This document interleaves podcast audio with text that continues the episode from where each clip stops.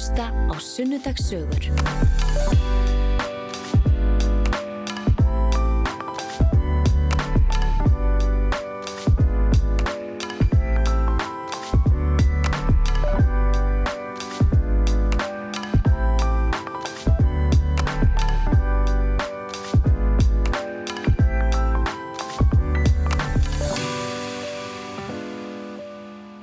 Komið sæl aftur kæru hlustendur. Þetta eru auðvitað sundarsögur og ég heiti Hulda Geistóttir alltaf að stýra þættinum í november og þema þáttarins að þessu sinni eru áskoranir og það geta verið öllum mögulegum toga og við fáum uh, góða gesti til okkar á sunnundögum í november til að ræða lífi og tilvöruna og það er áskoranir sem fólk finnur á lífsins leið. Og gestur minn í dag er engin önnur en Hrönn Sveinsdóttir sem að flestir þekkja kannski sem frangvandastjóra hjá Bíóparadís og hún hefur svo sem gert ímislegt fleira en það og við komum nú vendarlega við á hennar leið um lífið. Velkomin Hrönn. Takk fyrir það. En við byrjum nú gjarnan svona á því að, að, að fara aftur í tíman og, og spyrja fólk já, hvaðan það kemur og, og, og hvað það ólst upp. Já, um, ég, uh, þegar ég fættist að byggum við við Flókagötu hjá Klambratúrnu og svo byggðu fóreldra mínir hús uh, 1983 uh, neðst í Fossóstalunum Kópásmegin. Uh, fyrsta húsi við Alvatún, Alvatún 24 heitir það. Já, já. Og við fluttum þánga 83, ég er sannsagt fætt 77, svo ég er 6 ára þegar við fluttum þánga og það var uh, ótrúlegt aðeins að alast upp í svona hverfi sem var að byggjast upp við Já. hlupum hann um algjörlega sjálf ala í ókláraðum byggingum þegar maður hugsa tilbaka Já, við myndum aldrei leifa þetta í dag. nei, bara að, sko, rugglið sem við stóðum fyrir í þessu hverfi og ég vil bara byggja alla innæðamenn í Kópói afsökunar á þessu öllu saman en, en það, það var mjög gaman og þetta er á þessum tíma þegar krakkar eru út að leika sér til þángar til klukkan í margt og, og það var bara indislegt að alast upp hana í dalnum Já, hvort mynduru kallaði þá já, reykvíking eða, eða kópvíking? sko tvímalust reykvíking. Já, því að þetta stendur yfir þángar til uh, við klárum grunnskólan og uh, við flytjum 1995 á Bergstæðstætti 7 já, bara í Og- miðbæin. ég beint í miðbæinn og hérna ég er í MR og bý bara tveimur göttum fyrir ofan MR en tekst svona oftast að mæta og seint og stundum ekki neitt. Veit ekki alveg hvernig það hafðist á endanum en, en við urðum fljótlega uh, mjög mikið svona 101 uh, fjölskylda og, og erum enn í hjartanu þá er, þá er bara miðbærin minn það er minn staður, Já, þar slær hjartað Það er þinn heimavöllur. já Og þú býrð en þá, já, svona nánast í miðbænum. Ég bý á Ringbraut núna, Já. í gamla Vesturbænum, en þá í 101, Já, það er mjög mikilvægt. já, alltaf því til laga. Og það er bara eitthvað svo dásanlegt. Ég, ég fer ekki dult með það bara hvað ég elska Reykjavík og hvað mér þykir væntum hana og, þegar, og þessi, þessi augnablík þegar ég hjól í vinnuna á mótnana og það er dásanlega fallegu morgun, sko sumar, vetur, voru, haust og, og ég er alltaf bara, ég, ég, svona, ég fyllist ykkur svona, Reykjavík hefur sömu áhrif á mig og, og svona aðrar fallega borgir sem ég vorði ástfangin af. Ég fyllist orku og ég nærist á borginu og borgin nærist vonandi á mér Já. og öfugt. Já. Ég á í miklu ástarsambandi við Reykjavík. Já, það, er, það heyrist, það er alveg greinilega svona ástriða í, í þessu máliðínu. En uh, förum aðeins tilbaka þarna í MR, af því að, að, að þú varst að að segja að þú hefði verið þar. Uh, hvernig voru mentaskóla árin? Hvernig emmeringur varstu? Jésús minn, ég sko komst að því um sumarið að ég, ég var náttúrulega í andspilnu, var mjög hérna uppreisnækja úlingur. Já, Já. kemur ekki ávart. Og, hérna, og ég var náttúrulega bara, fannst mentaskóli vera fyrir astna og, og þú veist, ég var bara búin með, eh, ég var búin að feta mentavegin sko, þa þarna þegar ég var búin með grunnskóla. Ég ætlaði ekki í mentaskóla en fóreldrar mínu komist að því og, og, hérna, og ég fór með pappa að hitta Guðna, rektor og, og, og sneika mér inn í MR. Ég var reynda með ágætt sengunir. Ég Já. komst alveg inn á einhvernum en þú veist, ég var ekki trefin að ég fara í MR per se og allir vinnum mínu voru að fara í MH svo ég var agalega En var það þá fyrst og fremst mamma og pappi sem vild að þú færir í MR? Eða? Ég bara vi, vildi að ég færi í mentaskóla og pappi fór í MR og það lág bara einhvern veginn beinast við Já og svo voru þið náttúrulega bara fluttað í næsta hús Já, nánast og svo voru við þarna við hliðina á og allt það en hérna, uh, vinið mínu voru í MH og þar var, voru allir flipp kísarnir og mér fannst þarna emmeringar vera ofsalega svona mikið eitthvað eh, lækna og, og dætra, dætur og sinnir af nesinu og eitthvað svona ó, mér fannst þetta allt eitthvað glatað. En svo reyndar kynntist ég bekkjafélögum mínum og, og þetta er indislegt og dásanlegt fólk og við urðum, við urðum alveg samheldin á endanum en, en mér fannst allt frekar hallarslegt svona, ég var ekki manneskjan sem fór á sveit á hérna, mentaskóla Böllin. Mm. ég var búin að jamma svo mikið í grunnskóla að ég var hægt að, að nota áfengi, ég vildi helst bara nota sveppi og eitthvað svona, þú veist, ég var alveg bara var, þetta var pínu galið, sko. Ég, ég ringdi einu svona sprengjuhótun á Hotel Ísland því að við vorum í parti og allir voru að fara á okkar astnalett ball og ég bara, óh svo hallarslegt já, hérna, hérna. já, þetta var ekki ég var ekki, hérna, gekk ekki í takt Nei. en ég lærði hérna, ég fór í forn uh, grísku og latínu ég fór á fornmáladeild og við vorum alveg nýju stykki í þeim bekk já. og eittum fjórum árum í að puða við að læra forn grísku og latínu sem hefur náttúrulega skilað mér alveg stórkostlegum hérna.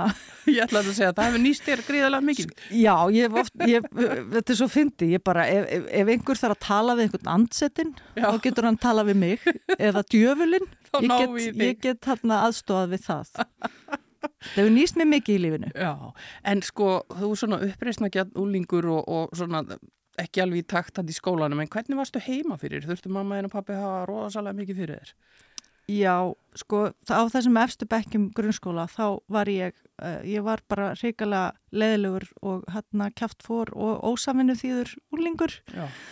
og uh, maður, það er náttúrulega ekki fyrir en setna maður á sjálfur úrlinga, maður skilur hérna þeirra hvað þetta hefur ekki verið skemmtilegt fyrir þau og allt það en, en sem betur fer þá önduðu þau nú bara með nefnu og Já. fór ekkert á taugum og mamma og pappi þau voru svo sniðu, þau leiði okkur bara að vera í kjallaranum í Álvatóni 24 mm. og svo sá ég þetta hús auglist um daginn, það er einhver nýrbúr og kallarinn er enþá eins og hann Já. og þetta var sko neðanjarða klúpur allra úlinga í Kópavogi og alla leið upp í Árbæin og Breiðholt sko Ég, ég á mjög marga vini frá þessum árum sem voru bara, ó, já, við vorum í kallaranum, sko, við, það voru allir vini mínir í hljómsveitum og við líka og, og hérna, við, það var mjög blómstrandi svona úlingalista samfélag sem að var þarna til og sögurnar eru, var eh, kannski ekki hævar fyrir útvarp, en, en hérna, þetta finnst ennþá til, kallarinn heiti Tjernobyl og já, já. ég vona svo sem bú í þessu húsi núna, Eh,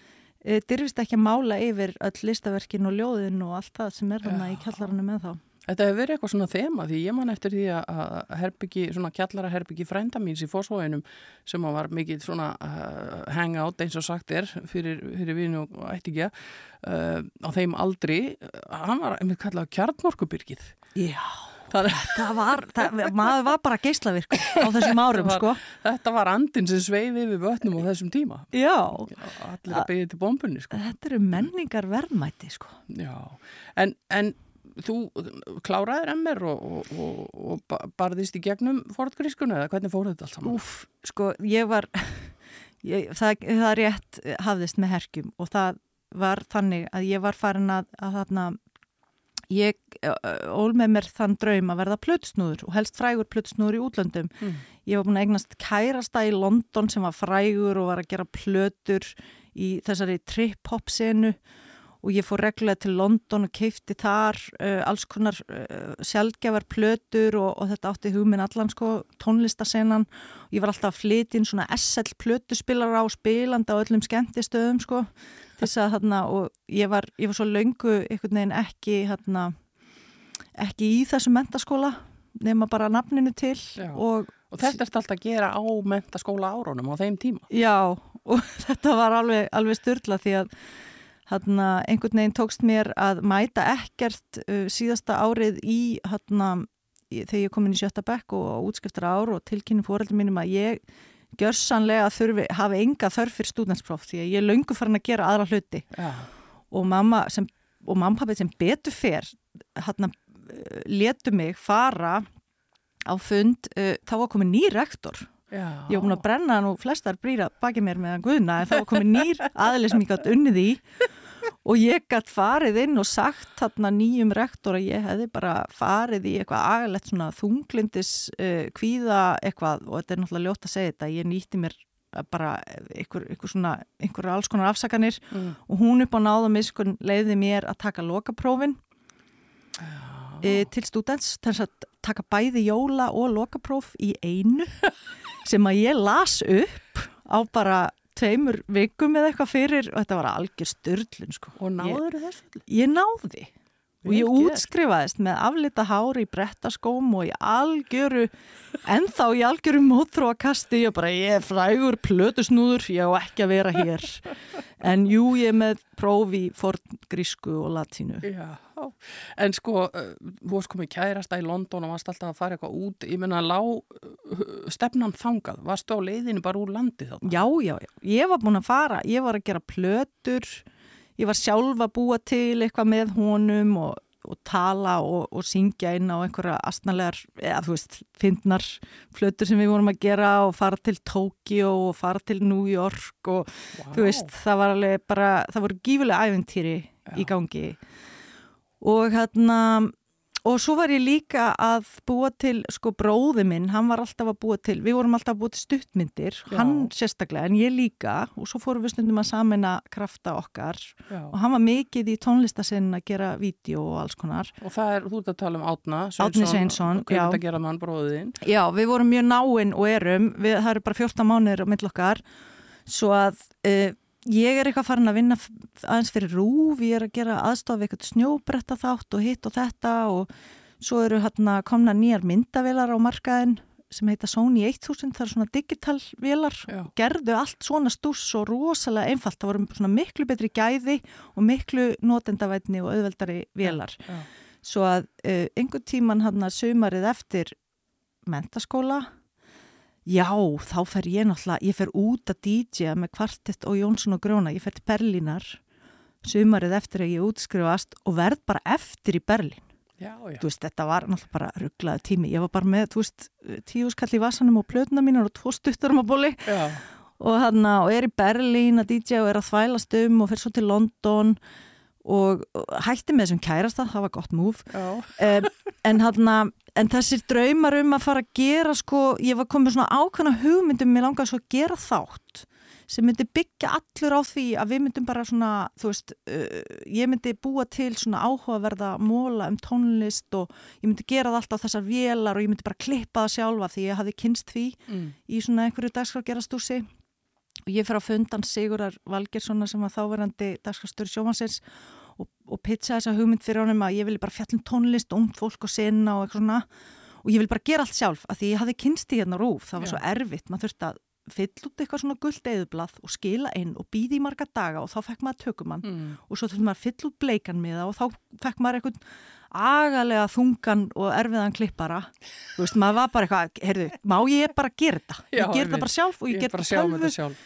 og, þarna, og ég útskýri þetta fyrir hún Sigga Valgers og hann hefur samband um mig tilbaka og segir bara, heyrðu þetta er svo frábær hugmynd, getur þú gert þetta á hverjum degi?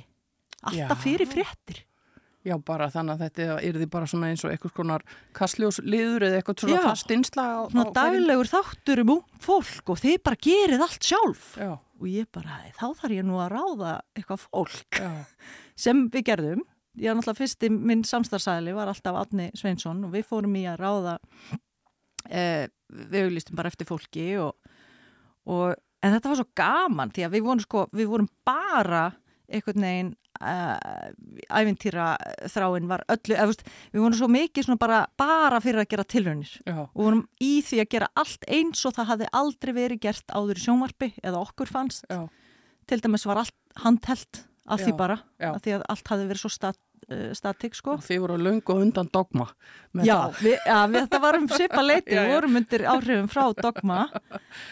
Og hérna og uh, við, og, svo ákvaðum við sjálfa að vera umsónamenn þetta var alltaf vakti ákveðin skandal í, hjá þjóðinni, þú veist þetta var svo fáránlegt en það voru við að reyna að þverbrjóta alla reglu svo að fyrir fólki að sjá þessar krakka í stúdiói talandi á svona við vorum að tala svona í gátum og einhvern veginn svona í frösum sem enginn skildi.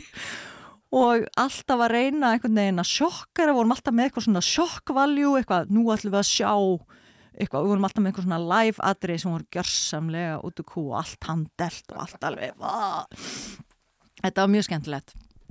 Og þetta var nýju mánuða tímabil Já, og hvað hétt þátt, þátturinn? Ég man nú eftir þessu sko. þátturinn hétt Kolkrabbin, og alveg hann rétt. braut bara blað í dagskrágerð af því að þarna voru við á þvælingi sex ungmenni að, út um all trissur á hverju meinsta degi að taka upp sjálf að uh, við skiptust á að vera umsónamenn sem sagt og Já. svo bara voru við með kerfi þar sem e, e, veist, rítstjórnin var í höndum uh, það, það var líka svona, þú veist, Já. skipst á milli og við kliftum sjálf og gerum allt sjálf og hérna og upp úr þessu ári síðar verður til skjárein sem byggi bara á þessu konsepti. Að gera allt sjálfur á þessar vélar og hérna þessar litlu Sony-vélar og hérna og og klippa klippa. allt sjálfur í tölvum og bara, og bara massíf framleiðsla Já, þetta verður bara, þarna verður ákveðin bara bylting í, í dagskrágerð og þeim möguleikum sem þessu, þessari nýju tækni fylgdi. Já, Og þú gast verið miklu meira á ferðinni og, og miklu sveigjanlegri og fljótari kannski að gera hlutina heldur en með gamla læginu. já, við vorum bara endalust á ferðinu og framleitum bara efni, þú veist, daglega eins og ekkert væri þegar áður fyrir tók þetta bara, sko, þá var Já, þetta já. bara þungt ferli, sko. Já, já, langt, langt ferli.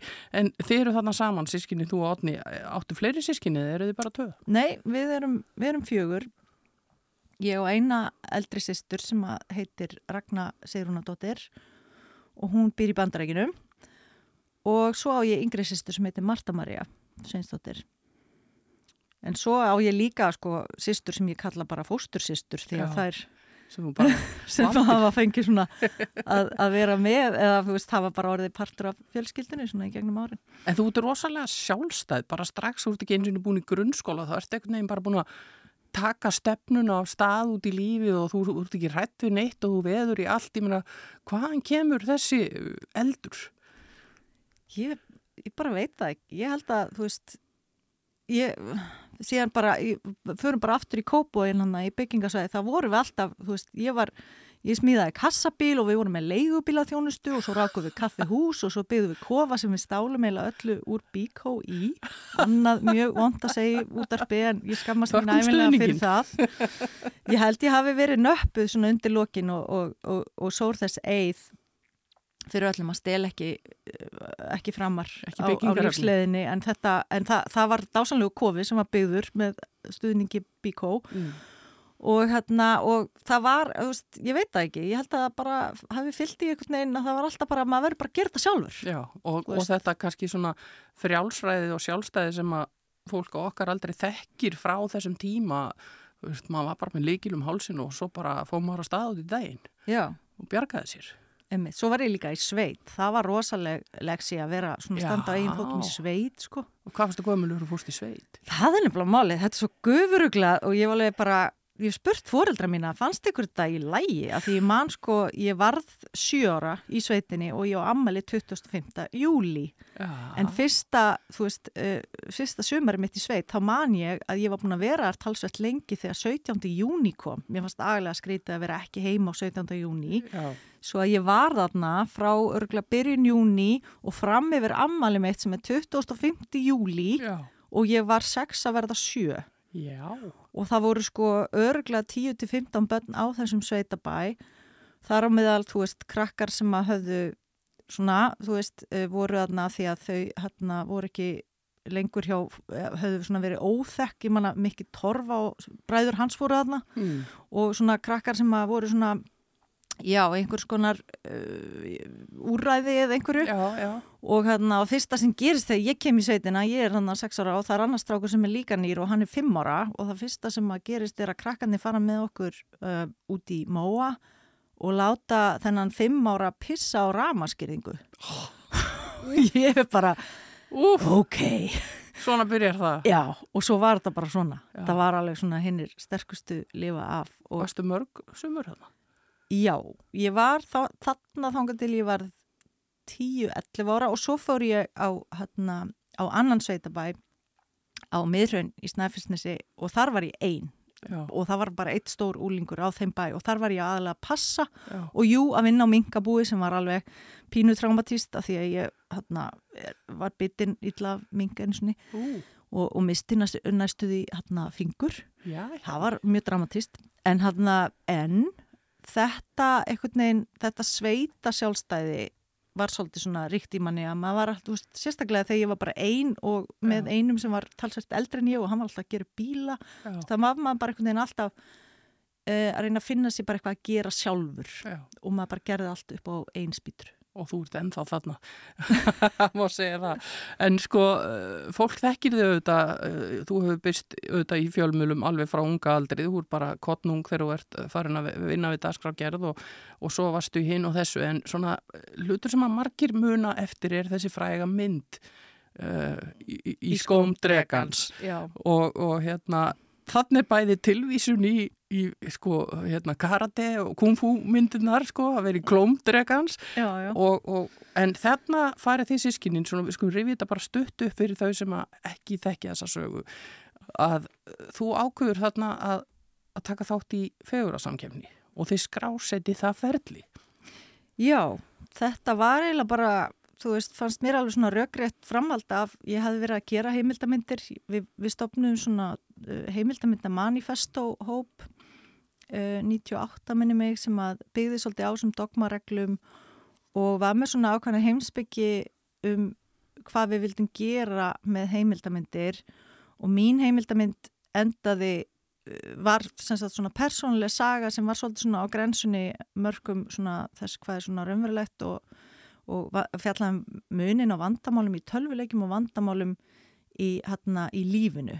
Já, og þegar hérna þegar þetta er þegar ég tek ákvörðunum að gera þessa mynd þá er þetta bara svona, þú veist uh, fannst mér þetta að vera bara einmitt ég hafði svo mikið áhuga á því að blanda saman sko, fólk heldur ofta heimildamindir séu hérna eitthvað svona eins og fréttir eitthvað Mm. svona óhlutræg frásögn af einhverjum, sem er, fyrir mér var alls ekki, ég hafði svo Mhm. mikið áhuga á að vinna með raunveruleikan en að þarna meðhöndlana á ákveðin hátt, veist, eftir minni og gera mjög persónlegar og hérna og jafnvel sko svona heimildamindi sem færi bara svolítið út í fantasíu og, og rugl sko.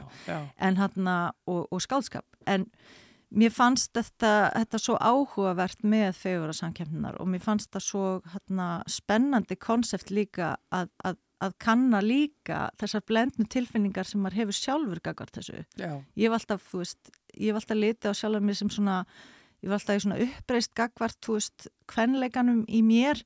Ég var eins og niður valin ungfrú Snæland í grunnskóla já, og mér fannst það bæði æðislegt en svo fannst mér það líka hræðilegt þú veist, það, var, mér fannst það mjög svona skrítið, hvað mér langaði að vera sætust en samt svo var ég bara svo rakaði mér hárið, af því ég var bara eitthvað þetta er ógeðslegt. já. Þetta hefur tókast svona á í þér. Já, og ég meina að þannig er við nútíma konur, við erum í svona smá tókstreitu, okkur langar að vera sætastar Mm en samt ekki, Já. þú veist, ekki segja mér að ég þurfa að raka með lappirnar og, og, og þóknast einhverjum köllum -hmm. til þess að ég sé gjaldgengi í þessu samfélagi. Já. og, hérna, og það er svo margar hliðar á þessu, þú veist, af hverju er við ennþá að upphefja eitthvað svona keppni um einhverjar fallegustu kona þegar við erum svo löngu eigum við, eigum að vera komnar? Við eigum öll sem samfélag að vera komin á hvernig allt annar stað Já, svo að um, ég fannst það áhugavert. Fólki kringum mig var alveg guðmi góðu nú er hraun bara dottin í þetta sko. Hann að langa bara til þess að vinna einhverja fegur að samkefni, hún Já. er bara í eitthvað þú veist að hún er að þarna að leifa sér eitthvað svona skingu hlutverk sem að eða þú veist það er svona þarna var það svo fullkomið að fá hana mömmu til að vera töku konuna mína. Já, af því að hún var svo þarna, hún er að gamla skólanum sem feministi og henni fannst þetta fáránlegt. Já, fáránlegt. Og sem þetta er, þú veist, þetta er bara eitthvað svona gripasýning. Og þú veist, en svo var það svo frábært þegar við hérna urðum svona kappsama sko, því að auðvitað snýrst þetta um að gera góða mynd og þegar við fórum að hugsa okkur sko, hvað við gætum gert frábært efni ef við kæmust bara út í hérna Miss World. Já, þessi keppni sem fórst í hérna heima, það var hvaða keppni? Það var ungfrúísland.is sem Já, var svona einmitt. ný keppni og átti, uh, var stofnið til að hressa upp á svona gamla mótelið, Já, gamla svona Hotel Ísland, Ólafur Laufdal, eða þú veist eins og þetta var, Mhm. það var þótti rosalega halló og þú veist, auðvitað. þetta var á þessum tíma sem að allt byrjaði að heita í Punkturist, já, við vorum öll komin á netið en svo er það þannig, hvernig hressiru upp á konsept sem er svona beiglað til að byrja með því að þú ert, þegar allt kemur til alls að setja stelpur upp á svið í bikini og dæma hver er sætust Mm -hmm. og, og þær verða að vera ógiftar og badlausar hvað þýðir það Já, eða? það var, er það? það? það var skilirið á þessum tíma. Nákvæmlega, það var bara svona, ó, við erum að leita hér að eiginkonu efnum fyrir hérna, sveitustu kallana í bænum eða eitthvað, skilur við. Undir niðri er alltaf eitthvað svona brútal, æ, eitthvað svona ógeð. Já, já, þetta er náttúrulega, það eru auðvitað margar liðar á þessu eins og öllum málum, eh, margar stúlkur sem hafa farið í svona keppni segja að það hafa verið frábæra reynsluðar að eignast vini þar að fengi ímis tækifæri Já, framhaldinu, en í grunninn er þetta eins og þú lýsir þessu, uh, ég, ég sé þetta svolítið oft fyrir mér svona í samanburði við kimbótasýningar á hrissum, Já, það er svona verið að horfa í eiginleikana, það, Já. það er hérna, byggingar eiginleikar, hvernig þú berði og hvernig útgeislunin er og, og svo geðslægið, er það gott? já, einmitt, og þess vegna er það svo mikilvægt þegar þú ferði í viðtöl, maður fann það alveg, allar stelpunnar fóru í viðtöl og sögðust elska börn og útivist, þó að þú veist, ef maður hefði talað við þar, þú veist, uh, bara undir fjögur augu, bara svona, þá hefði það ekkert farið að tala um það að fyrra bara, að, að stærsti draumurinn í lífinu var eignast eigimann og börn. nei. En hvað sagði Hrönns einstóttir í viðtölum þegar hún var í fegur og samgefni? Ég, ég saði náttúrulega eitthvað allt annað sko, ég, ég bara, mér minnir að ég hafi einmitt talað um að ég, mér langaði bara að gera myndir og be, eitthvað svona. Mm. og ég var með svona, ég var með svona útusnúninga á þessu konsepti sem var kannski svona eftir áhyggja, ekki svo gott ef ég ætlaði að vinna, veist, það, það, það, það var það sem klikkaði í þessari keppni sko, ég fór ekki alla leið með karakterin, já, þú, datt þú, úr karakter. já þú, þú hefur ekki svona fyllt megin strömmnum í þessum málum. En hvernig endaði þetta aftur? Ég mani þetta ekki alveg.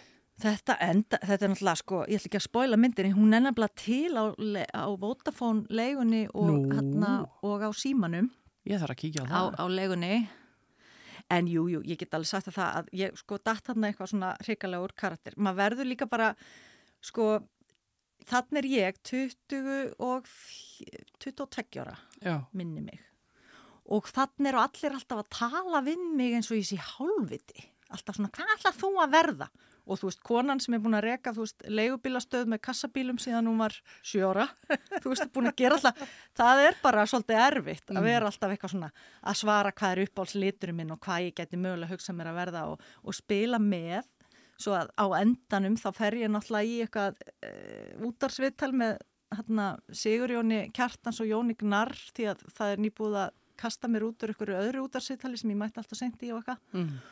og, og þar fer ég bara að, hérna, að gera grína keppninni og hvað þetta sé allt saman bjánulegt og kjánulegt og það verður til þess að það á að henda mér úr keppninni og þá er öll mín vinna allt þetta þá er þetta allt farið til fjandá. Já, svo ég tek það svo nærri mér og þetta er svo leiðilegt og mér langaði svo að vinna og svo er ég bara búin að klúðra því en svo fæ ég að vera með í keppninni svona upp á náða miskunum. Ég náða að klára tökurnar, aftur kemur bróði minn, Átni Sveinsson til aðstóðar og hérna fer inn sem sagt uh, hann og Sindri voru að gera þættir, þættir fyrir skjáið sem héttu Pétur og Páll Mhm. og þeir gerðu svona þátt um keppnina og þar náði ég svona, uh, Ah. ég náði að virka aðra vini mína til að taka upp lokametrana og ég klára keppna en, en er í skammakróknum og er drullu fúl þegar ég lendi svo í þriðja sæti. Já. Því að þriðja sæti, sko, það þurfa tværa að forfallast svo ég komist í Miss World og Já. þetta er bara svona eitthvað málamynda að líkurnar voru litlar á að þú kæmist alla leið ángað. Já, það er eiginlega bara meiri niðurlæðing, sko. Það er í þriðja sæti heldur en að vera, vera bara ekki neitt, sko. Já, ég veit það nú ekki. En, en, en sagt, já, og þar, en þeir klárið myndina og gerið þessa mynd sem að, sem að síðan, já, var það að, já, bara svolítið sjálfstæði fyrir bæri og, og, og, og, og kannski smá, smá kvöld mynd bara í dag.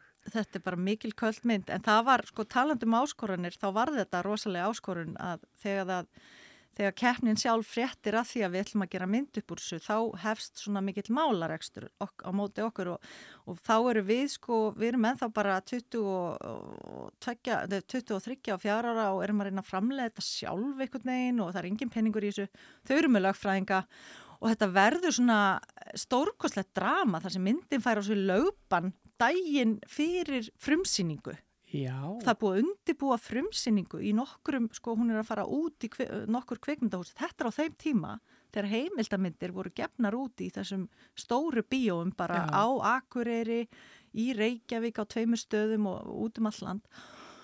Og hann að við, þetta verður, já, ég hef stundum hugsað sko að þetta ætti að vera sjónvasmynd í tveimur hlutum fyrst um gerð myndarinnar og þess að toppstreitu sem myndast hjá mér sko þegar ég vil, ég vil vera sætust. Já. það er alveg á hreinu, ég vil vinna en svo finnst mér þetta allt bjánalegt og ég get ekki tekið þátt í þessu. Og, þarna, og svo þetta uh, þetta réttardrama sem upphófst veist, þau réðu besta lögfræðingin í bænum, hann Ragnar Arnalds og, og það, erðu, það voru mjög dramatísk réttarhöld sem ég var meðal hann spurða því hvar ég hefði lært kvikmyndagerð. Og þegar ég sagðist ekki að hafa lært kvikmyndagerð þá þá hana, gerði hann mjög lítið úr mér að ég var bara einhver, einhver astni Já. og einhver bjáni sko, heyrðu, hefur Fridrik Þór einhver tíman lært kvikmyndagerð? Nei. Hefur uh, Baltasar Kormákur gengið í kvikmyndaskóla? Nei. Uh, þú veist, það, það var ekki, en svo, svo var hann líka með svona rifið plakkat af myndinni og, og hann var klökkur og þetta örðu, þú veist, uh, mér leiði eins og hann væri, þú veist, hann var eins og matlokk með samúð all, allra í salnum og, og ég var eins og eitthvað svona vond, uh, eitthvað svona feminískur, feminískur hriðiverka maður, þetta var eitthvað svona þetta var allt mjög þetta hefði þurft að vera, vera sjómasmynd og allir í sjokki. Veist, grátandi fóreldra fyrir utan og það var svo fyndi fyrir mömmu að vera með þeim og þau voru bara það varst þú líka með stúlku í keppnin? Og mamma alveg, já. Já, ég var með stúlku í þessari keppni. Svo maður að flytsa þessu núna en þetta, hefur, þetta, þetta lítur að hafa verið bara svolítið erfitt og sjokkar enda að fara í gegnum þetta. Þetta var það. Fjáraslega var þetta algjörst ruggl. Alltinu bara þurftu við að ráða lögfræðing sem kostiði sko alvöru peninga, þú veist sem við áttum ekki. Mm -hmm. Við gáttum ekki gefið myndina út af því að það var komið lögban á hana. Þar að leiðandi gáttum við ekki losa neina peninga til þess að borga neinum og ég var, þú veist, á þessum tíma 24 ára og var að uh, vinna við þetta launalöst í þeirri vona að ég geti borga mér og öðrum. Mm -hmm þegar myndin kemur út og það var ekki að gerast og, og, og fólk var svona, þú veist, ef ég fór út þá var fólk annarkort að garga á mig eða þú veist að auðsa mig, bara mér finnst þetta svo frábært en enginn hafði, þú veist, allir hafði skoðun á þessu, enginn vissi um hvað þetta var. nei. allir heldu að ég vildi bara ræða þetta allan sólarhingin og þetta var einhvern veginn, þú veist ég hugsaði með mér, þetta er algjörst rugg og ég nenn ekki að standi í svona kvikmyndagerð. Þetta er nú meira ruggsportið, það er engi peningar og bara vesen og, hérna, og ég ætla bara það var svo mikið léttir þegar ég fór ég fór að hitta, ég fór að búa með sýstuminni sömarið 2002 í Seattle og komast bara burta sem engi vissi hver ég var og, og það var bara eitthvað svona rosalegu léttir og upp frá því á hvað ég bara flytja til New York því að ég elska New York. Já og eina leðin til þess að dvelja í bandarækjunum væri bara að fá hérna svona studentavísa svo að ég sæki um ódýrasta háskólan í New York sem er þá svona, það heitir City University of New York, það eru nokkri skólar. Kemst inn í Brooklyn College sem ég hef bara ekki hugmyndum neitt en veit að það er kvikmyndaprógramnar og hugsa bara já já ég gerir þetta. Og, og flytt til New York haustið 2003 og það var bara, fyrir mér var það bara eitthvað svona, einhver æsku draumur ég hefði komið fyrst til New York þegar ég var 12 ára og ég hugsaði bara með mér, já hér vil ég einhver tíma búa, hér vil ég vera. Og það var eiginlega bara það sem ég ákvaði að gera og, og þetta var þetta var svo stórkoslegt hérna, Brooklyn College er hérna síðst í Brooklyn já. sem er svona mjög rúsnesku mælandi luti, þetta Little Odessa er þetta oft kallað þarna búa mjög mikið af fólki úr fyrrum Sovjetríkinum en svo skiptist brúklinni svo margi vita í alls konar hverfi. Þú veist það er, það er ítalst hverfi það er spænskumalandi hverfi það eru hverfi sem er aðla svart fólki í og, og, og svo eru gíðinga hverfin og allt þetta fólk mætist í Brooklyn College og þar var sko kósir kafeterja því að það er svo mikil gýðinga viðvera Já. en það er líka svo mikið að fólki sem er sko kynslo, uh, fyrsta kynnslóðin í sinni fjölskyldu til að fara í háskóla og það er þá oft þetta hérna, fólk sem er frá uh, Latin Amerika, Hispanic fólk mm -hmm. og, og svart fólk frá bandaríkinum og svo hérna og þessir uh, þessir krakkar frá fyrrum Sovjetríkinum eða sem sagt foreldraðira komu upp úr 1990 því að Sovjeturíkinn liðast í sundur Já. og það er mjög skrítin stemning á hérna uh, á, í háskólanum þú veist, uh, til dæmis eru múslimar, þetta er sko þegar hefði allræmda stríð gegn hriðiverkum er í gangi þegar hérna Bush uh, W er eftir mm -hmm. hérna, árastunar og tvíbráturnar er búin að lýsa við stríði og ræðist inn í Írak og allt þetta rögl mm -hmm. og það eru, það eru alltaf ykkurir hérna hermenn frá Ísrael að koma á háskólalóðina að halda fyrirlestra um stríðið gegn hriðverkum. Múslimar er í rosalega erfiðri stöðu þeir þóri ekki eins og að fá að halda ramadan á kampus, þetta, maður fann svona spennun að gagva þeim sko mm -hmm. og hann að Og, og, og það verður að ræða, þú veist, ég fer í svona grunnkursa í stjórnmálasögu bandarækjana því mér finnst þetta svo merkilegt að vera þarna í þessum söðupunkti þar sem að allir sko eru að tala mismandi tungumál, það eru heilu hverfin sem þú sér það ekkert ennsku inn í mm. það er bara pólst hverfi, það smalt er á pólsku og þú veist, og þarna fólk er að koma með svo, er að koma svo, úr svo ólíkum áttum og því tekst allir að búa saman undir uh, einhverju svona regluverki sem heitir stjórnarskrá bandaríkjana og uh, eitthvað svona gífulegt þjóðastolt sem að þú saminar alla, við erum Já. öll amerikanar, við erum öll saman í þessu Já. svo að eitt leiðir af öðru því að mér er svo gaman í þessum stjórnmálafræði tímum þar sem að fólk er bara þekki bara Evrópu, sko sérstaklega Norður-Evrópu, ég, ég er alltaf norðin sko kommunistinn í hófnum því að Já. það er svo mikið skammarir því að vera bara, þú veist, sósjaldemokrasi, það er bara kommunismi, sósjalismi er náttúrulega bara ræðilegu hlutur. Það er að vesta og þannig að fólk er að rífast um fórstureyðingar sem ég hugsa bara var ekki búið að afgræða þetta fyrir, þú veist, ja. alveg stórkostlega merkilegt og, og menningar munurinn svo mikill á milli fólksina, veginn En hvern, talandum áskorani, hvernig var fyrir Hrönn Sveinsdóttur frá Lilla Íslandi að detta ofan í þessa súpu? Þetta var bara geggjað, veist, það þorði engin að stopna palestínugrúpu á kampus nema ég og japanski vinnu minn, Já. við vorum palestínugrúpan og fólk, þarna múslimar eða arabar komið til okkar og þakka okkur fyrir því að þeir hefðu aldrei þórað í Já. og hérna án í vissa þá var ég bara að skipta kveikmyndafræðinni eða sko ég var að læra kveikmyndagerð en það voru allir að byrja mm. sem að ég var í kursu með, það var allir að byrja já. að gera sína fyrstu myndir og, og þú er búin að vera í þessu í nokkur ára og... Já, ég var svona, æ, þú veist er ég að fara að gera eitthvað stutt eða, veist, ég, minn draumur var aldrei að fara að gera eitthvað narratívar stuttmyndir ég gerði nokkar stuttar heimildamindir meðan ég var aðna, en mér var skemmtilegast í kveikmyndafræðinni að, að, veist, að vakna bara og fara snemma í skólan og fá sér kaffi og smáköku og horfa svo bíó allan daginn. Ég hugsa bara, þú veist, er ég virkilega Já. ég er að lifa draumin minn? Er hægt að hafa það betra? Já, svona á lífið að vera. Og, þarna, og það var æðislegt en svo skipti ég um áherslu og fór yfir í stjórnmálafræðina því að mér fannst þetta allt svo sjúglega áhugavert og hérna og, og það gekk bara rosalega vel. Ég, ég hérna fekk líka svona uh, nemastöðu.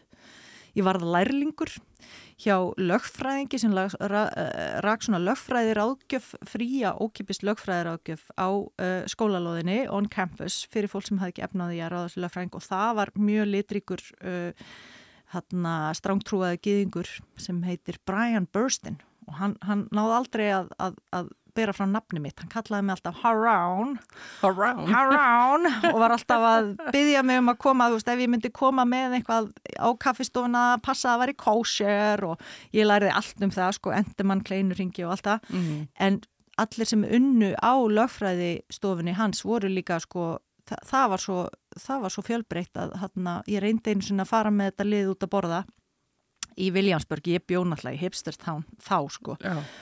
og og ég reyndi að bóka borð fyrir okkur og þá var það bara endalust veist, eh, Brian og, og, og hann og þeir alveg miklar ágjur af kósermálum á þessum tælenska stað og, og stráng kristna fólki var, hafði miklar ágjur að það var í áfengi, er þið áfengi aðna og, og múslimarnir vildu ekki sitja við borðið þar sem konurna voru. Ég var alveg uppgefin, þetta var eins og að vera í saminuðu þjóðunum að reyna að finna eitthvað, finna út úr þessu, þessum dinner sem við ætlum að eiga hann saman. En það var mjög skemmtilegt að vinna við uh, þessa lögfræðiráðgjöfa því ég var bara svona persónulegur aðstofamæður hans Bryans mm -hmm. sem hafði svo marga fjöruna sopið í hérna í alls konar lagaflækjum, sérstaklega fólks á jæðrinum að við vorum aðla í því að, að byggja hérna uh, hjálpa fólki sem að, veist, við vorum bara í svo félagsrákjáður oft. Mm. Við vorum svona, já maðurinn er með spilafíkn og hann skuldar uh, fólkinu á móti og nú þarf þú að fara í svona samningavirðar við ykkur mafjósa en hann og oft kom þetta fólk með börnin sín til að tólka fyrir sig að því þau tölu ekki ansku og, mm og þú þarfst að raka þið skeggið áður en hún kemur fyrir dómara því hans lítur út fyrir að hriðiverkamæður og, hérna, og það var svona meira svona félagslegt uh, félagsrákjöf og, og mjög skemmtilegt. Já. Hvað varstu lengi í New York og, og í þessu námi? Uh, ég útskrifaðist hann 2006 reynslunni ríkari, þá var ég líka búin að vera að vinna á svona börum og og já og bara svona stúsast í hinn og þessu og þá var ég líka búin að kynast manninu mínum. Já. Já, svo að við vorum farin að búa saman, reyndar í Park Slope uh, sem er neðar í, í Brooklyn og, og hérna og vorum ekki alveg viss, þú veist, ég var eitthvað svona meðlangar að vinna við alþjóðamál mm. og ég sótti það ansi stíftum að vera svona uh, starfsnemi við saminnið þjóðuna fyrir hönd Íslands og fekk það ekki og, og ég var, var rosalega tvístígandi hvað ég ætti Já. að gera Já. Hann var búin með kvikmyndagerði í Kolumbia og var líka svona, hann langaði til Evrópu við vorum svona og já, ég hugsaði, æ, þú veist allir var búa í bandaríkinum sko þó að New York er ekki beint bandaríkin nei, nei, New York er eins og alþjóða flugöllur Já, bara sér einhvern veginn uh, landin í landinu sko. Já, þá samt hugsaði ég með mér að því að við ætlum sko, við vorum búin að gifta okkur sumarið 2006, það var sumarið uh, sagt, þegar ég var útskjöfuð og, og við vorum svona að reyna að plana framtíðina saman og ég hugsaði með mér Ég, ég veit ekki hvort ég meika það að verða bandaríkja maður að festa rætur hér í þessu landi þar sem að eru bara svona hlutir sem að ég er svo í grundvallaratriðum ósamála mm. eins og bara heilbreyðskerfið mm. að við séum í stöðu og óryggi mm. ef einhver missir þú veist, þú missir úr uh, vinnu þú missir heilsu, þá ertu bara einhvern veginn á barmið þess að verða heimils og, og Já, bara heimilslaus heimilslaus og, og, og líka bara hvernig atna, það er enþá þannig í bandaríkinum að, uh, að eignast börn, konur þurfa bara að velja. Já. Allaru að vera að vinna uh, mikilvæg störf því að þú veist, það er engin niðugreitt barnagesla, það er ekki gert ráð fyrir því, Nei. þú veist, það er bara gert ráð fyrir því að þú eignast barn, þá bara tekur þér frí og ert bara skuttlað þessu barni á uh, æfingar og það var einhvers konar framtíð sem að ég gæt bara eh, ekki hugsa mér. Sást ekki fyrir þér. Nei. Ég man einmitt eftir að, að því ég fór sjálf í, í háskóla í Bandaríkjónum að, að til dæmis herbyggisfélagi minn þar þegar hún átti sín börn þá fekk hún fjórar vikur í badningnaleifi. Það og, er langt. Og það var með það að taka sömafrí sitt líka. Já, alla veikindadag og já. allt. Hún náði að kreista þetta í fjóra vikur alls og mér fannst þetta svo skjálfilegt þegar ég hugsaði um þetta uh, sjálf, ég, ég var ár heima með mín börn þegar þau fættust en, en þetta er, þetta er auðvitað eitt af þessum svona stórum málum sem að verist ganga mjög hægt að breyta í bandaríkjana. Já, það er bara, þú veist, uh, hinn ósynlega höndmarkarins er ekki að fara að skipta á bleiunni á banninuðinu, það er bara þannig. Já. Þú veist, en markaðsöflin, þú veist, eh, bandaríkinni eru fundamentali svo kapitalist uh, kerfi að það er ekki Þú voru bara að velja, ætlar að vera móðir Já. eða ætlar að eiga feril, starfsferil Já, nákvæmlega Og þú sást það ekki alveg fyrir þér Nei, ég bara hugsaði með mér Æ, veistu það, ég er ég er í grundallar aðrið svo ósamála mm. þessu, að ég mun ekki blómstra ég mun alltaf vera bara einhver, einhver brjáluð mamma að, að, að breyða pillur og fingramála með barninu mínu eða ég veit það ekki það, ég myndi ekki blómstra í þessu Nei. svo að við ákvaðum bara einhver svona bríjar í að fara heim til Íslands í máramotinn þegar 2007 er að byrja sagt, og búið með fóröldum mínum og, hérna, og ég, við erum bara búin að vera tvo mánuð eitthvað á Íslandi þegar ég kannst að ég er ófrísk og það var alls ekki planið Já. en þannig var nú sant og og ég hérna var að vera geðveik á því að búa með mömmu pappa svo ég bara, við, við ákvaðum að hérna að kaupa okkur í búð og þannig er alltaf blúsandi alltaf blúsandi uppleið og allir já, að gera það gott. Við hugsaðum, já já við stoppum aðeins hérna. Er, við ætlum að eignast batn og svo, svo bara kannski höldum við áfram eitthvað lengra út í heim draumurinn minn var alltaf að fara í eitthvað aðra stórborg í Evrópu og gera eitthvað rosalega spennandi eitthvað alþjóða eitthvað. Mm. og hérna en svo hérna eins og við vitum öll þá uh, bara uh, 2008 reynur hagkerfið og allt með og, og allt er lánið á íbúð orðið eitthvað. Batnið okkar nær kannski að borga það upp þegar hún er orðin áttræð eða eitthvað sko, Já, orðið, þannig sko. Stjartræðilegt bara. Já, og hérna og ég, uh, ég fer að vinna hjá bandariska sendiræðinu, rétt fyrir sunn reyndar þegar ég klára mitt sex mánu fæðingarálof þá hérna, og ég, ég er rosalega hérna spennt fyrir því því að mm. það er sko, það er alveg að vinna og ég vissi rauninni ekkert, þú veist, ég gæti ekki hugsað mér að fara í eitthvað svona eitthvað svona frílans, eitthvað kvikmynda eitthvað, ó, þú veist, mm. og ég hugsaði með mér þarna nýtist sko alþjóða reynslan mín, uh, þú veist, alþjóða stjórnmála, því að það var, þú veist, það sem ég hafði útskast með Já. og ég ráði þar einn sem síðamistari Já. Ímyndaði það Býtur við? Ég sé fyrir mér hérna stelpuna sem var að stela í bíkó Nákvæmlega Brjóta uh, allar reglur allstaðar Ekki beint sko svona fáaðasta uh, íhaldsamast það, það, það er nefnilega þar gildir íhaldsemin einn um bara hvernig þetta eru svona mjög stífa reglur um hverja skulu setja hvar og hverjir fá að tala undan hver öðrum og hvernig ég orða ákveðin bóðskort og Já. þetta er bara mjög og fyrsta verkefni mitt bara tveimu vikum eftir að ég byrjuði er að taka múti Condoleezza Rice. Hún Já, er að koma. og, hérna, og þetta var alveg fyrir mér alveg, alveg styrlað og mjög skemmtilegt sko, skemmtileg reynsla en, en hann ég var þarna í þrjú ár já. Já, og undir lokin var ég orðin bara, þú veist, þú veist að bandaríkin, þetta er sko, þetta er reysa stórt uh, hérna utanríkisráðuneyti bandaríkina, State Department er bara huge battery mm -hmm og byggir allt á gífurleiri skriffinsku og við erum að tala um skriffinsku á einhverju svona einhverju stíði sem við getum alltaf ímynda okkur og þetta varð oft bara eins og hérna, einhverju svona störtlaðir office þættir þar sem við áttum fund um að eiga mögulega fund um að skipta mögulega um ljósaperu, skilur við maður var stundum alveg bara guð minn almáttur Hva, hvert er ég komin? Já, nóga af rauðu limbandi þarna eins og sagt er red tape upp á ennsku. En, en sko, já, þrjú ári í, bandaríska sendiræðinu sem að kannski enginn sá fyrir hann á nokkur árum áður að þú myndir vera þar síðamistari. Þar var ég stundum í blúsu, ég get bara sagt þið það.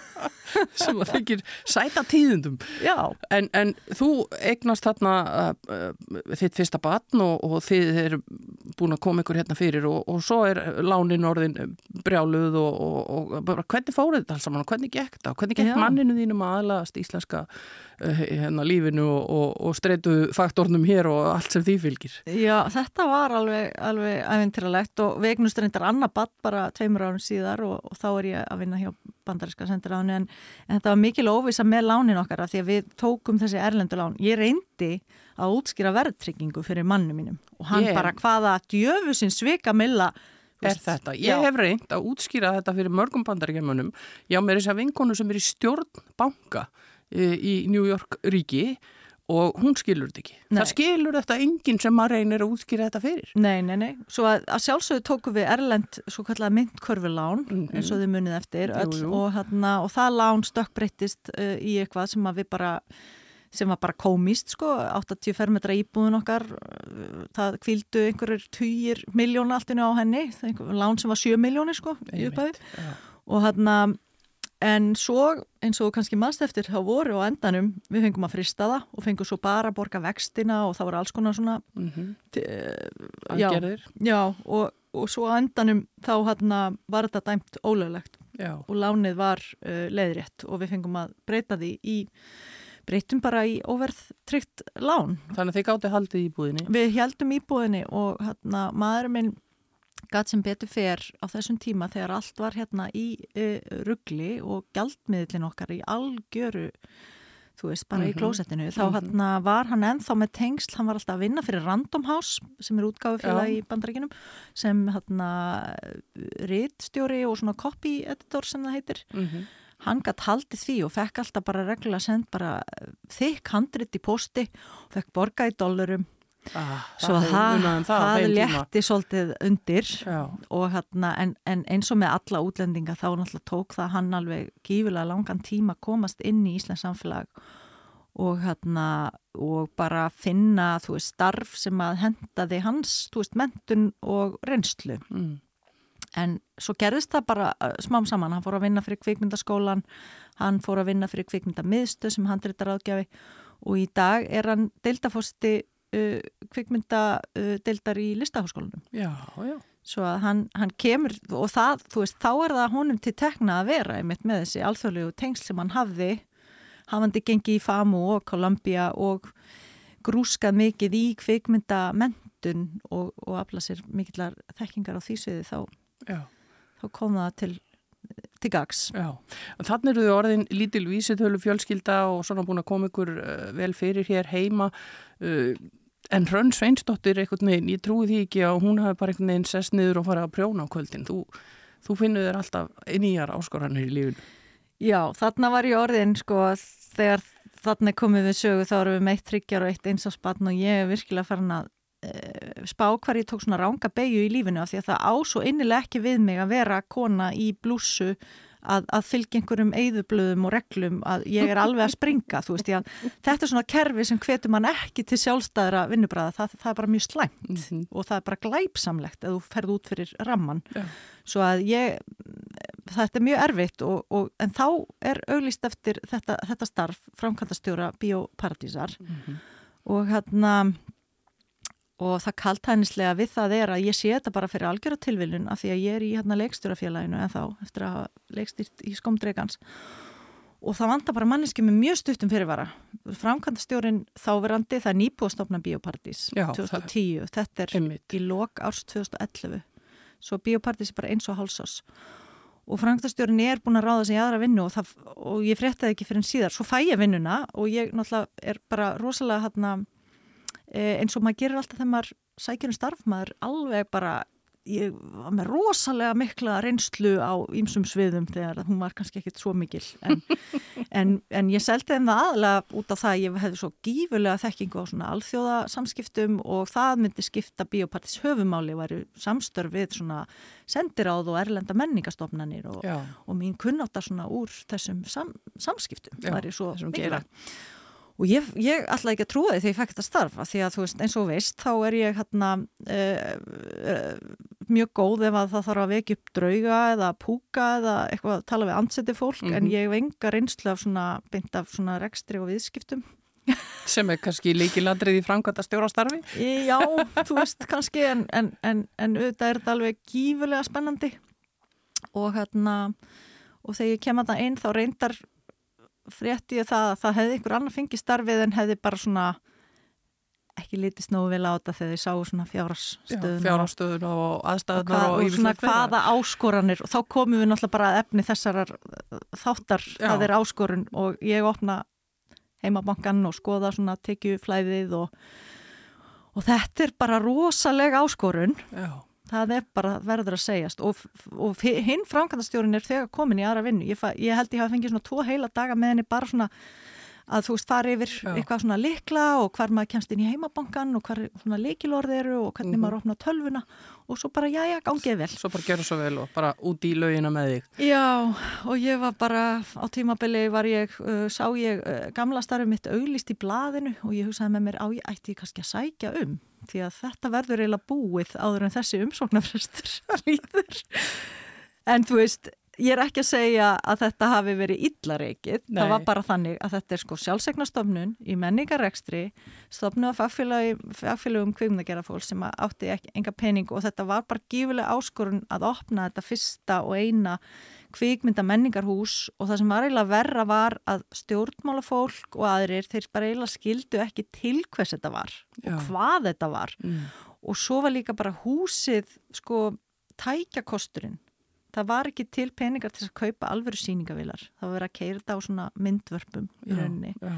Uh, 35mm filman er að fara út svo við getum ekki eins og fengið myndir Já. af því við getum ekki tekið við á, við eigum ekki stafræna síningabúnað og þú veist öll bíó á Íslandi eru rekin af dreifingaræðilum og þeir eru náttúrulega kaupin myndir fyrst og fremst fyrir sjálfan sig Mhm. og við erum ekki eins og með myndir til að, þú veist, þetta verður bara þetta er svona rosa flókið verkefni Já. En, en þú, eh, sko, síðan eru liðin eh, nokkur ár og það búið að ganga á ímsu. Bíóparadís er ennþá til, en, en þetta er ennþá áskorun. Þetta er alltaf áskorun og hérna, ég minnist þess að þarna fyrstu mánuðina ég ákvað að setja bara hausin undir mig og þú veist, ég var þarna með eins ás og þryggjára batn en ég var bara í vinnunni alveg að nánast allan sólarhengin og stundu var ég bara með sko blóðbræði munninum og hérna, og suði í eirunum og bara fór ekki eins og klóið sko, ég var svo upptekinn við að, Wow. að hérna hamast í þessu og, en það, það kom upp í mér eitthvað svona geggju þrjóska, ég hugsaði þetta mun ekki fara á hausinn á minnivakt þetta, ég, ég, ég ætla þetta bara, ég veit þetta getur gengið þetta mun ganga en það sem verður okkur svolítið til uh, bjargar er líka að þú veist að við fáum hérna Hilmar Sigursson inn í stjórn sem er uh, kvikmyndaframlegandi Mhm. og hann kemur inn með rosalega dýrmæta og góða og hann gefur sér tíma í að búa til með mér alls konar fjárasáallanir og, og við þarna náum að semja við banka um að fara í, veist, uh, frjálsa nauðasamninga bara til að losa þær skuldir sem voru kvildu á fyrirtækinu Mhm. og gátum þannig gert samninga við ríki og borg, gátum þannig, kift síningabúna með alls konar styrkjum og þetta var, þú veist, þetta var rosalega áskorun en ég er ekki að segja, þú veist, ég, ég gerði þetta ekki allt eins sko, það var alveg kraftaverka fólk og er ennþá kraftaverka fólk í Bíóparadís, ég verð nú bara eiginlega minnast á það að til dæmis uh, Áskrumur Sverrisson náttúrulega uh, lifti grettistæki með Já. því að stopna bíóið Mhm. fyrsti dagsastjórin en svo ræði ég inn Ásu Baldurs dagsastjóra sem er núverandi uh, 2013 og hún er sko hún er ótrúleg hún er bara, hún getur tekið uh, bara ótrúlegustu hluti og jökla sko 500 mismunandi viðburðum og búið til og, gerir, og hún sé líka um öll markasmál hún heldur utan um sko endalösa dagskráliði og horfir á mörg þúsund kvikmyndir á hverju ári Wow. og Aron Viglundsson sem að kemur síðan til að halda utan um öll tækniadriðin með okkur og, og Sigga Maja sem hefur verið rekstastjóri hjá okkur sem að hérna e, tók bara alla hönnunna og allt þegar við fórum í endurbætunar. Já. Og talandi um það, stoppum aðeins við endurbætunar. Það er búið að gera ótrúlega margt. Við erum að tala um það er allt annað aðgengi orðið að bíóinu og, og tæknibúnaðurinn er annar. Já. Segðu mér aðeins bara svona stuttum máli, hva, hvað er búið að breyta og bæta þarna? Sko, húsnaði var í svo miklu lamassessi, það hafði ekki neitt verið gert fyrir húsið í bara 40 árið eða bara síðan það var byggt í rauninu og sena sem að rak húsið áður vissu að þeir væri á útleið svo að það var, þú veist, þú ert ekki að laga neitt þegar þú veist að Þú ætlar ekki að vera aðna lengur? Nákvæmlega og við vorum komin í algjörstu öngstræti, við letum þetta svona duga fyrstu árin, bara vorum bara þakklátt fyrir að vera með húsnaði en svo fór þetta valda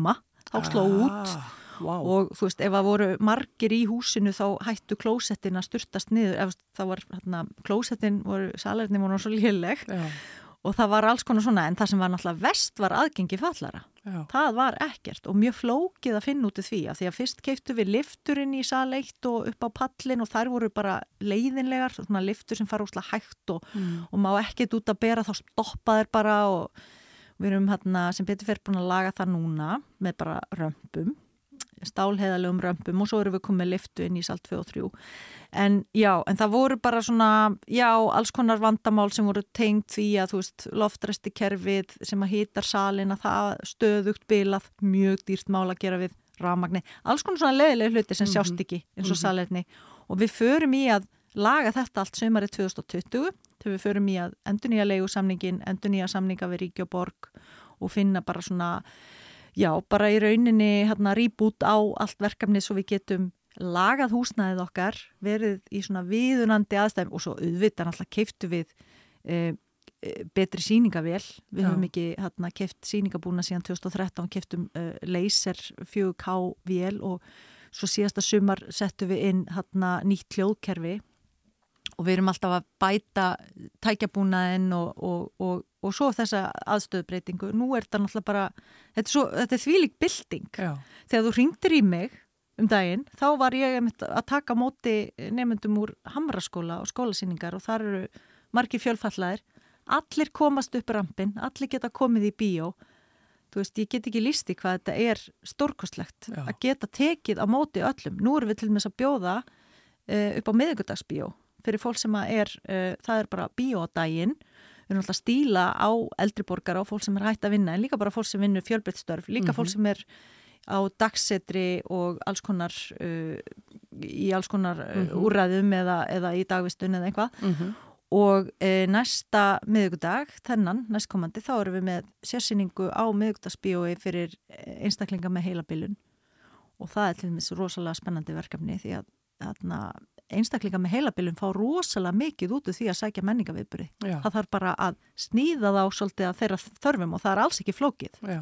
En þetta er allt hluti sem við getum leift okkur núna því að Já. við erum búin að taka allt gegn. Já, svo var ég um daginn, þá er ég að læra um sjónlýsingar og, og, og til dæmis uh, sjónlýsingar í bíó sem er, er hérna, spennandi verkefni líka. Það er rosalega spennandi. Mér finnst það nefnilega að vera sko, eins og við erum búin að byggja þetta starfi upp frá grunni, þá er þetta svona næsta stóra verkefnið er einmitt þetta að bjóða fólk sem að e, öllu jafna hefur ekki aðganga af kvikmyndamenningu og kvikmyndasýningum að, að það er svo tiltölulega einfalt að, að breyta og gera eitthvað sem að hana, henda fyrir þau og ég held að það sé algjörlega framtíðin sko í þessu til með sjónlýsingar. Það er eiga heima líka hérna í sjónvarpinu og allstaðar. Já, já.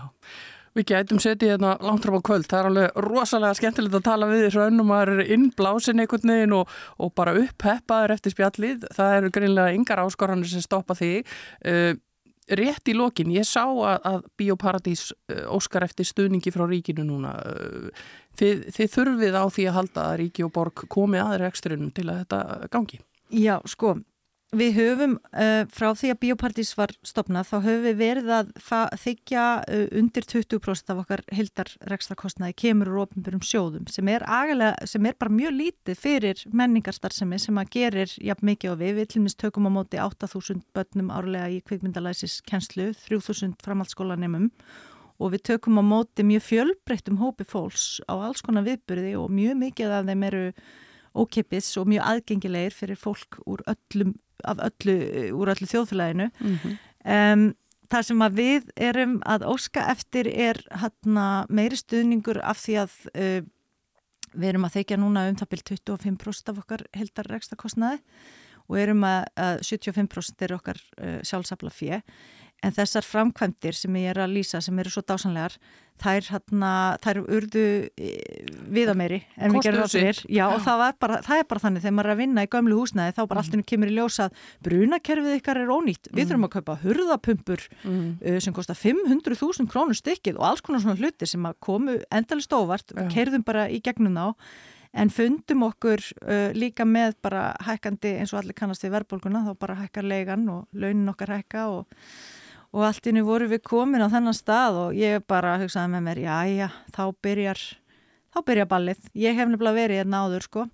En ég treysti því í rauninni að uh, ríkið sjáu uh, það hvað við erum að vinna uh, ótrúlega merkilegt og metnafyllt starf sem eina kvikmyndamenningar hús landsins og auðvitað eigum að geta tekið á móti öllum og, og, og rekið hús sem er með viðunandi aðstöðu fyrir alla mm. í þessu þjóðfélagi. Já. Svo ég, ég hérna held að við eigum eftir að eiga bara gott samstarfum það hvernig við getum staðið þessu öllu saman. Já, látum það vera að loka orðin í þessu spjallokkar hér í sunnundagsögum. Uh, Hrönn Sveinsdóttir, frangotastjóri hjá Bíóparadís, takk fyrir að koma til okkar og gefa þið tíma í þetta góða spjall og gangið er vel áfram með allar þínar áskoranir og verkefni. Takk kærlega.